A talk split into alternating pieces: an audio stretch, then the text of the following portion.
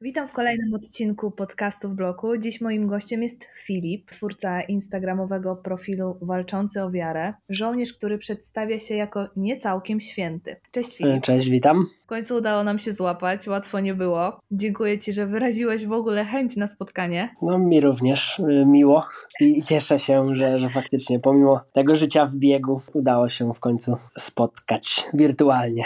Tak jest. E, Filip, dziś reprezentujesz tą jasną stronę mocy, ale nie zawsze tak było. Żyłeś w mroku? Patrząc z perspektywy mojego obecnego życia, właśnie blisko Pana Boga, w zgodzie z przykazaniami, to tak, żyłem, żyłem kiedyś w mroku przez, przez sporą część mojego życia, dochodząc do momentu, kiedy czekałem tylko, żeby mieć 18 lat i, i móc przestać chodzić do, do kościoła, do czego byłem zmuszany przez moją mamę.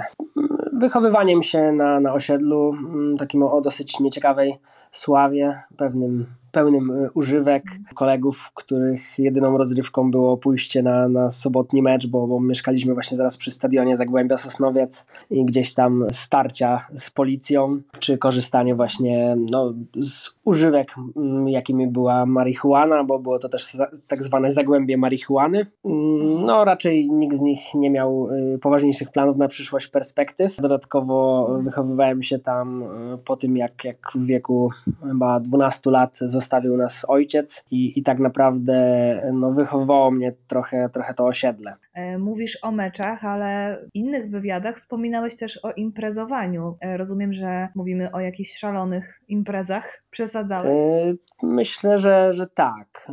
Zawsze mama mi dawała taką pełną wolność, za co jestem jej no, bardzo wdzięczny, chociaż z perspektywy czasu no, było to gdzieś tam może niebezpieczne. Zawsze mogłem wracać do domu praktycznie, o której chciałem, już mając te, te 17-18 lat. I faktycznie poszedłem do w miarę dobrego liceum, w miarę, w miarę dobrze się uczyłem z historii, matematyki, angielskiego, szczególnie gdzieś tam informatyki. No, ale trafiłem właśnie do, do dobrego liceum, które, w którym też właśnie ten czas po zajęciach i, i weekendami no, spędzało się właśnie gdzieś na mieście, na imprezach. Pamiętam takie weekendy, które, które zdarzały się bardzo często, gdzie od czwartku do niedzieli tak naprawdę bawiliśmy się na osiemnastkach spałem po kilka godzin w tygodniu, no też bardzo dużo czasu spędzałem przed komputerem, oglądając różnego rodzaju filmy, ale też grając właśnie w gry online, od których ewidentnie byłem uzależniony i w tym wszystkim było też całkiem sporo alkoholu. Ratowało mnie chyba tylko uczęszczanie na treningi lekkiej, lekkiej atletyki, y, bo, bo trenowałem właśnie od tam tak naprawdę podstawówki z różnym skutkiem i systematycznością, ale no faktycznie ten sport towarzyszył mi od, od małego i, i jakieś tam nawet sukcesy udało się osiągnąć. Powiedziałeś o uzależnieniu od gier komputerowych. Jak to się zaczęło? Czy w ogóle pamiętasz, kiedy zorientowałeś się, że masz jakiś problem? No, wtedy, kiedy pałem po, po naprawdę, nie wiem, może 2-3 godziny. Jeszcze chyba w gimnazjum chodziłem właśnie na, na lekcje później i, i byłem trochę jak taka mumia nawet. Nie pamiętam jedną sytuację, w której, w której tam no, w klasie się ze mnie śmiali, że, że jestem taki zamulony, po prostu nie kontaktuję za bardzo, no ale nie dało się niestety być, być bardziej wypoczętym spędzając te noce przed komputerem, tak jak ja. No plusem jeszcze to, to co wydawało mi się dobre, to to, że, że przez te gry właśnie MMORPG, czyli takie massive multiplayer role-playing games, y, no tam wcielało się w różne role okay. i, i no było to wszystko mm. oczywiście po angielsku, to były zupełnie inne czasy, więc ja faktycznie w ten sposób nauczyłem się języka angielskiego i to na takim naprawdę dobrym poziomie, bo, bo to też wymagało jakiejś tam komunikacji y, właśnie w języku angielskim. Czyli jest jakaś wartość dodana. No tak. To wojsko pomogło Ci w powrocie do normalności, w walce z uzależnieniem. Opowiedz, jak to się stało, że zostałeś żołnierzem? To też można powiedzieć, że jakiś tam przypadek, e, że moich rodziców taki znajomy był w wojsku, co prawda w siłach powietrznych, gdzie, gdzie też namawiał mnie właśnie, żeby iść w tym kierunku. No ja stwierdziłem, że nie, że ja chcę zostać komandosem, gdzieś tam pobiegać po lesie, jak już yy, właśnie zacząłem myśleć o tym wojsku. No i pojechałem na targi yy, edukacyjne, yy, będąc w liceum, gdzie dowiedziałem się właśnie o, o, tym, że, że jest opcja pójścia do, do wyższej szkoły oficerskiej zaraz po, po maturze. Dowiedziałem się, jakie są wymagania. Była to matura z matematyki, informatyki chyba i angielskiego. I akurat te przedmioty, plus oczywiście oczywiście egzamin sportowy, no i jakaś tam komisja lekarska i badania psychologiczne, które też udało się no, bardzo sprawnie, z dobrymi wynikami przejść i, i dostać, tak, mimo tego, że, że składałem jak tak naprawdę tylko tam papiery i nie brałem zupełnie innej opcji pod uwagę, tak to wszystko się potoczyło. A powiedz, y, co daje Ci praca w wojsku? Jak wpłynęła na, na Twój charakter, na może postrzeganie rzeczywistości i funkcjonowanie w życiu codziennym? No, praca w wojsku daje mi bardzo dużo satysfakcji. Zakładanie munduru e, z polską flagą każdego dnia, jeszcze e, w środowisku międzynarodowym, w którym mam okazję pracować od prawie, prawie 6 lat, no jest e, ogromną jakąś tam dumą. Zawsze nasza polska historia, takie wartości patriotyczne były dla mnie ważne i wojsko no, pozwala czerpać właśnie z tej codziennej służby, bo nie można tego nazwać pracą, dużą satysfakcję. Nauczyło mnie to też przede wszystkim jakiejś takiej dyscypliny, innego spojrzenia na różne rzeczy, pozwoliło mi rozwinąć umiejętności, które gdzieś tam w sobie odkryłem, no i, i można powiedzieć, że osiągnąć sukces. Przede wszystkim pozwoliło mi rozwinąć się jakoś lingwistycznie, bo, bo znam już tak naprawdę no, 3-4 języki. Na co dzień pracuję po angielsku, znam też rosyjski i, i mając rodzinę we Francji, gdzie, gdzie też francuski jest jednym właśnie z języków obowiązujących w NATO, no udało się też podszkolić właśnie w tym kierunku. Pracuję cały czas w tym środowisku międzynarodowym, więc taka komunikacja e,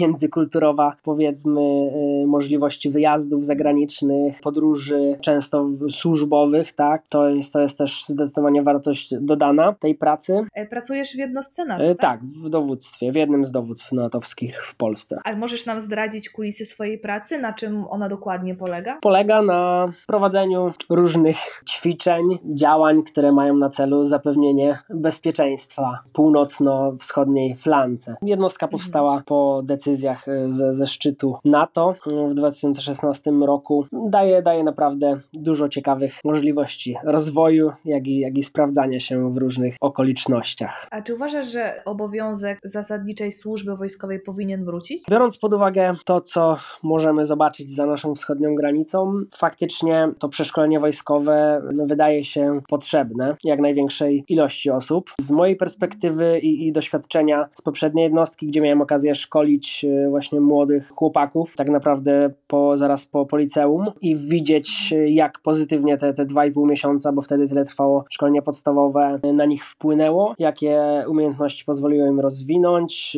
jak się zmienili tak naprawdę, jak, jak stali się no, dużo bardziej męscy, to stwierdzam, że, że tak, jak najbardziej byłoby to przydatne. No ale też trzeba wziąć pod uwagę to, że, że nie każdy do tego wojska się nadaje, nie każdy też się tam odnajdzie, ale ja osobiście mogę zachęcić każdego do tego, żeby spróbował swoich sił i wytrzymał. Czasami zacisnął po prostu zęby, bo zawsze ten pierwszy miesiąc jest takim najtrudniejszym miesiącem szkolenia unitarnego, gdzie niejednokrotnie no, stara się złamać tego kandydata na żołnierza, ale to wszystko ma naprawdę głębszy cel i przynosi w późniejszym czasie dużo, dużo pozytywnych y, rzeczy i pozytywnych cech. A powiedz, jakie metody się stosuje, żeby złamać takiego kandydata, bo to mnie bardzo zainteresowało.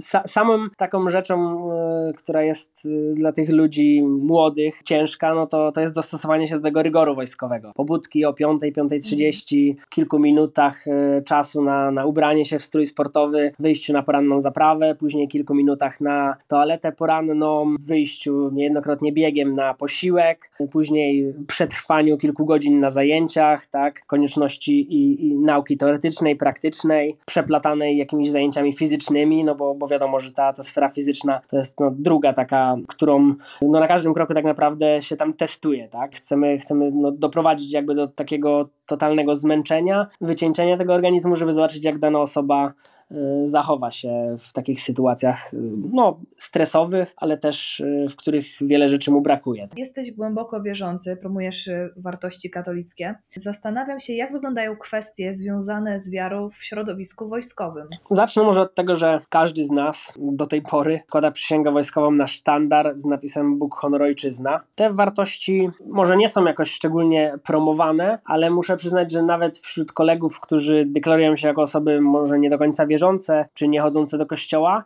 Widzę to, że, że wartości płynące z dziesięciu przykazań, czy, czy respektowane przez właśnie nas katolików, są im dużo bliższe niż wartości proponowane przez obecne media, czy, czy wręcz te, które możemy zobaczyć tak naprawdę wszędzie, który, którymi jesteśmy atakowani i, i bombardowani tak naprawdę z każdej strony. Mamy też swój ordynariat polowy, więc y, każdy z nas ma, ma możliwość zwrócenia się do, do kapelana wojskowego. Ci kapelani wojskowi nabierają szczególnego znaczenia podczas wszystkich misji zagranicznych. Rozmawiając właśnie z żołnierzami, którzy wrócili z misji w Afganistanie, w Iraku, usłyszałem od jednego z nich na przykład, że, że chyba każdy, kto stamtąd y, wróci, no musi uwierzyć po prostu, widząc to, to co tam się dzieje i, i jakich niebezpieczeństw niejednokrotnie udaje się uniknąć. Jak reagują koledzy z wojska na Twój światopogląd? Udało Ci się nawrócić swojego kolegę wojskowego, czy jakkolwiek wpłynąć na jego podejście do wiary, do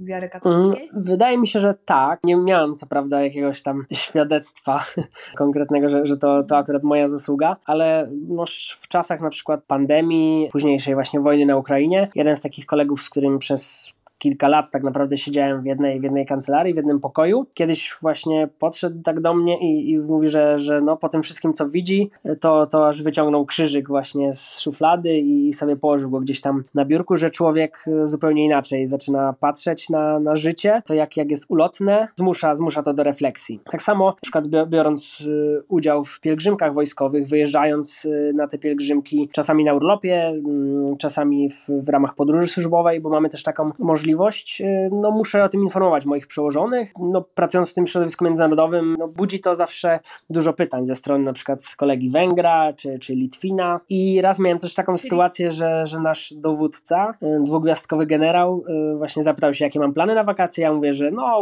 urlopu to tam raczej nie będę brał, idę na pielgrzymkę wojskową. On, o, to poproszę zdrowaśkę za mnie. Także mm, no to mi to, to było naprawdę imponujące, bo, bo znam dowódców, którzy powiedzieli, o idziesz sobie na, na 10 dni urlopu, tak, na, na pielgrzymkę. Mhm. No, natomiast y, no, zdecydowanie nie jest to urlop, jest to faktycznie podróż służbowa, gdzie my też y, jakby promujemy to wojsko, śpiewając mhm. różne pieśni patriotyczno-religijne, idąc właśnie z, z krzyżem, ale w umundurowaniu polowym no niejednokrotnie budzi to bardzo takie y, wzruszające reakcje w osobach, którzy, mm. którzy widzą taką dużą grupę umundurowanych żołnierzy kroczących na, na Jasną Górę. Wow, czyli tak, jest to bardzo krzepiące i wniosek jest taki, że nawet wojskowego można nawrócić. My jesteśmy mimo wszystko dosyć świadomymi ludźmi, tak? Gdzieś tam może mało popularne jest przyznawanie się do, do różnych poglądów i, i też no raczej się tego nie, nie praktykuje, ale większość większość wojskowych, których spotkałem, to byli no, co najmniej neutralni, ale, ale raczej tak właśnie w kierunku wiary niż, niż całkowicie przeciwko niej. Nawet w trakcie jakichś tam protestów właśnie związanych z, no, z przywróceniem aborcji, tak? Wie, większość moich kolegów było jednak po tej y, słusznej stronie życia. Niejednokrotnie y, no, nie, nie, nie, nie zgadzając się z własnymi żonami, co wiadomo czym groziło. To rzeczywiście jest to szokujące. Czy y, służyłeś na wojnie? Byłeś na misji? Nie, nie, nie byłem na, na żadnej misji jeszcze i nie, nie, nie byłbym i tak żołnierzem, który walczy gdzieś tam na, na froncie. Zajmuje się innymi rzeczami i zabezpieczaniem takich, takich działań pod kątem informacyjnym bardziej. Byłoby to ciekawe doświadczenie ale no, zawsze niesie ze sobą jakieś tam ryzyko. Na razie mam jakąś tam inną ścieżkę kariery przed sobą. Chociaż, jak to mówią w wojsku, no nie, niezbadane są wyroki kadrowe. Wspominałeś o tym, że zajmowałbyś się ewentualnie zabezpieczaniem różnych akcji, a jak to w ogóle się robi? O co chodzi? Będzie nas słuchać dużo osób, które nie mają pojęcia o wojsku i z pewnością będą zaciekawione. No tak, wojsko to nie są tylko ci żołnierze walczący na, na pierwszej linii frontu, y, bo na każdego takiego żołnierza około trzech, czterech y, żołnierzy zabezpieczających przypada. Są to logistycy, technicy, łącznościowcy, jacyś tam inżynierowie, saperzy, jednostki, które zajmują się rozpoznaniem i, i zasilaniem informacji, analizą tych, tych informacji. Także no, wojsko daje, daje naprawdę dużo różnych możliwości mm, i kierunków, w których można się wyspecjalizować, można iść. Chociaż no, nie zawsze wszystko jest tak, jak my byśmy tego chcieli, ponieważ w większości przypadków decyduje o tym przełożony. Rozumiem. Czyli te słynne wyroki kadrowe. Tak. Pan Bóg wyposażył cię w zbroję i posyła cię do walki. Doskonale znasz ten cytat, prawda? Yy, dokładnie. To był mm, jeden z ważniejszych cytatów yy, w moim takim życiu duchowym, który usłyszałem na seminarium odnowy wiary w Duchu Świętym. Yy, byłem akurat na, na kursie dwumiesięcznym we Wrocławiu i tam razem z kolegą, właśnie takim moim wojskowym przyjacielem, poszliśmy na ośmiotygodniowe seminarium odnowy wiary w Duchu Świętym. I to zdanie usłyszałem właśnie podczas takiej modlitwy wstawienniczej od osób, które się za mną modliły. Warto tutaj zaznaczyć, że osoby, które modliły się w Twojej intencji, nie wiedziały, czym się zajmujesz, bo z pewnością słuchacze będą się zastanawiać. E, dokładnie. To są powiedzmy randomowe osoby, które no, mają taki charyzmat, tak, dar tej modlitwy wstawienniczej i zdecydowanie nie wiedziały, e, czym się zajmuje. Mm, czy ta sytuacja coś zmieniła w Twoim życiu? E, tak, bardzo często te słowa mi towarzyszą szczególnie właśnie w jakichś e, trudnych momentach, czy, czy momentach, kiedy mi się nie chce czegoś zrobić, wolałbym się na przykład wycofać, no to mam tą świadomość, że, że Pan Bóg posażył mnie faktycznie w wiele takich umiejętności, które mogą pomóc innymi, które powinienem e, no, wykorzystywać w odpowiedni sposób, e, żeby między innymi spróbować innym poznać też Pana Boga. No jest też taki drugi cytat, który, który między innymi wisi u mnie na ścianie w przedpokoju. Pamiętaj, jak żyjesz, być może jesteś jedyną Ewangelią, którą ktoś czyta. No coś, co mi każdego dnia właśnie podczas tej mojej walki z różnymi pokusami, z tym życiem światowym e, towarzyszy i, i dlatego też bardzo bliska jest mi postać świętego Ignacego Loyoli i ogólnie e, charyzmat jezuitów od jakiegoś dłuższego czasu. Powiedz, kiedy nastąpiło wielkie nawrócenie? Zaczęło się właśnie e, chyba, kiedy trafiłem na, na szkołę oficerską, podczas właśnie tego ciężkiego miesiąca, e, tego szkolenia podstawowego, gdzie starano się nas złamać w każdy możliwy sposób. Wtedy mieliśmy możliwość w niedzielę pójścia do, do kościoła, do, do kaplicy, na mszę prowadzoną przez właśnie tego wojskowego kapelana.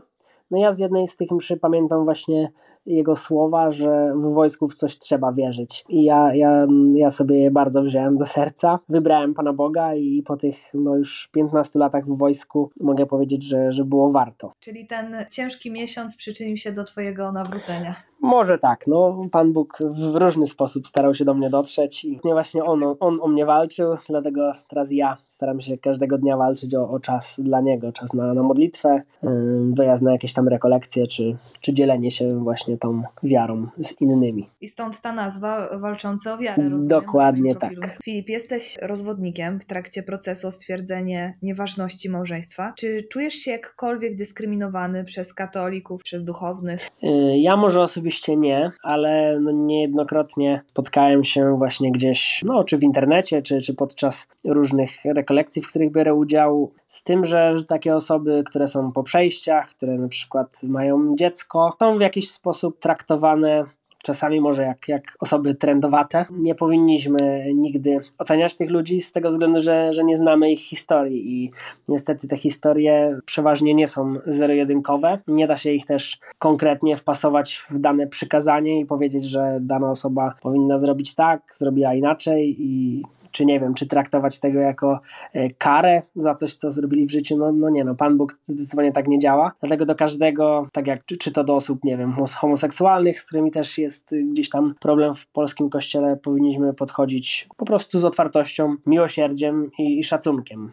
a tego, tego czasami brakuje. Pozostając w temacie e, małżeństwa, czy możesz e, podzielić się z nami swoją historią? Moje małżeństwo no, no było młodzieńczą, nie do końca przemyślaną decyzją, na którą wpłynęła głównie głównie właśnie sytuacja związana z moją, z moją pracą, wysłaniem do pierwszej jednostki do Chrubieszowa, czyli miejsca, które no, nie dawało żadnych perspektyw na jakieś tam właśnie życie takie poza, poza pracą i poznanie kogokolwiek. No i wyjeżdżając właśnie tam postanowiłem się zaręczyć y, z dziewczyną, z którą się znałem tam i byłem w sumie jakieś tam 3 lata. No, ale pojechaliśmy tam, zamieszkaliśmy razem, przygotowaliśmy się jakby do, do tego ślubu, do wesela. No i w sumie za mną rodziców głównie postanowiliśmy wziąć ten ślub dosyć szybko i tak, tak samo szybko się to wszystko skończyło, można powiedzieć. Czy nie czułeś, że są jakieś sygnały, które powinny cię zatrzymać? To było tak jakby pod presją, rozumiem. Tak, było trochę presji i też y,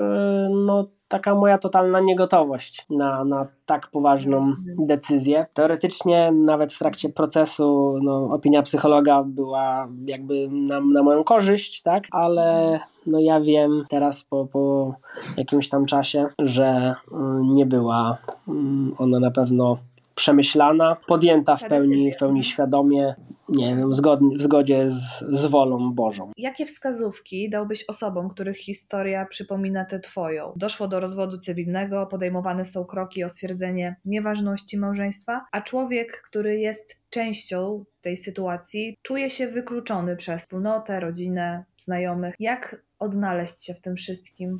Wielu moich znajomych wstąpiło do wspólnoty Sychar, czy, czy uczęszczało na spotkania. To jest właśnie taka no, wspólnota, która pomaga przejść przez ten cięższy okres.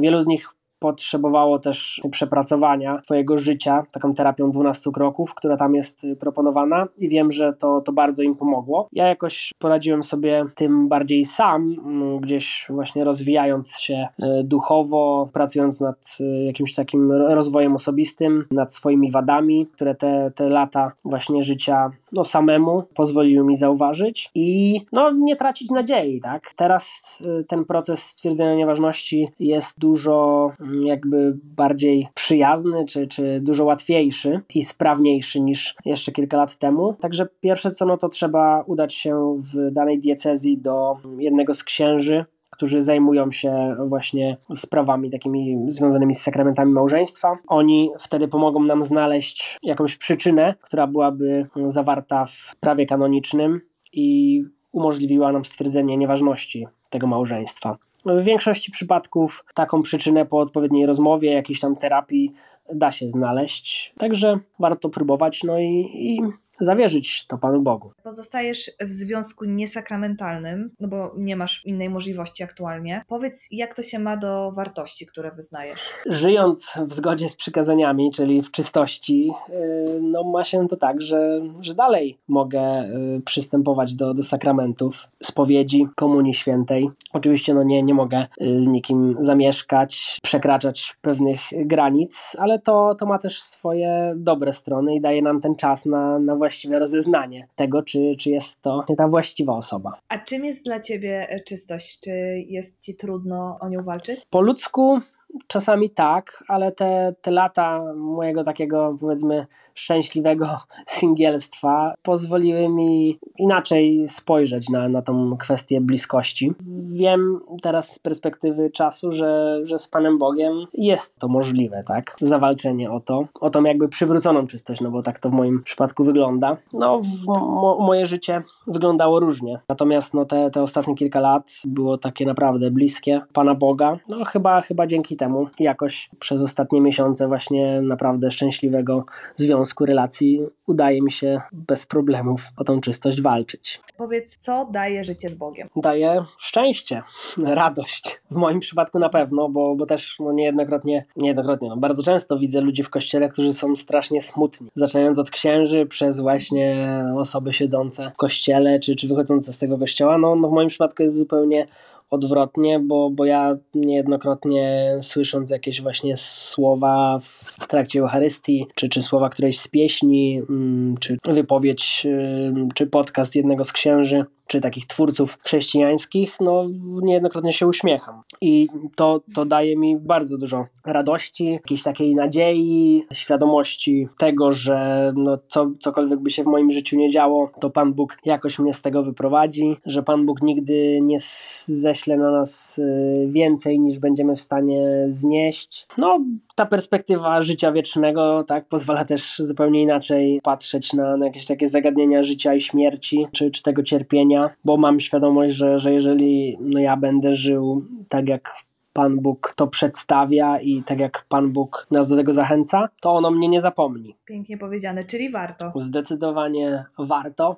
Ciężko mi się doszukać jakichś y, negatywnych aspektów tej wiary. I mm, najwięcej ludzi ma teraz, myślę, że problem to wszystko, co oferuje nam świat wydaje się dużo bardziej atrakcyjne, tak? Zamiast iść do kościoła w niedzielę, wyjść sobie gdzieś tam na, na piwko czy, czy do kina, zamiast pomóc komuś potrzebującemu, lepiej kupić sobie kolejną nową rzecz, yy, zamiast iść na pielgrzymkę, lepiej sobie jechać na jakieś egzotyczne wakacje. No to wszystko faktycznie wydaje się dużo bardziej atrakcyjne. Wydaje nam się, że, że tak, wiele osób właśnie tylko tym życiem światowym żyje. To możemy zobaczyć no, w mediach społecznościowych, na Instagramie ale no, rzeczywistość jest zupełnie inna, bo ja osobiście mam dużo ludzi, którzy znajdują czas naprawdę na wszystko, mając odpowiednią ilość czasu też na, na modlitwę, na to, żeby, żeby trwać y, przy Panu Bogu. No moje życie też jest przykładem tego, że, że naprawdę można podróżować w różne egzotyczne miejsca, mieć bardzo wielu znajomych, różne tam pasje, e, zajmować się różnymi rzeczami,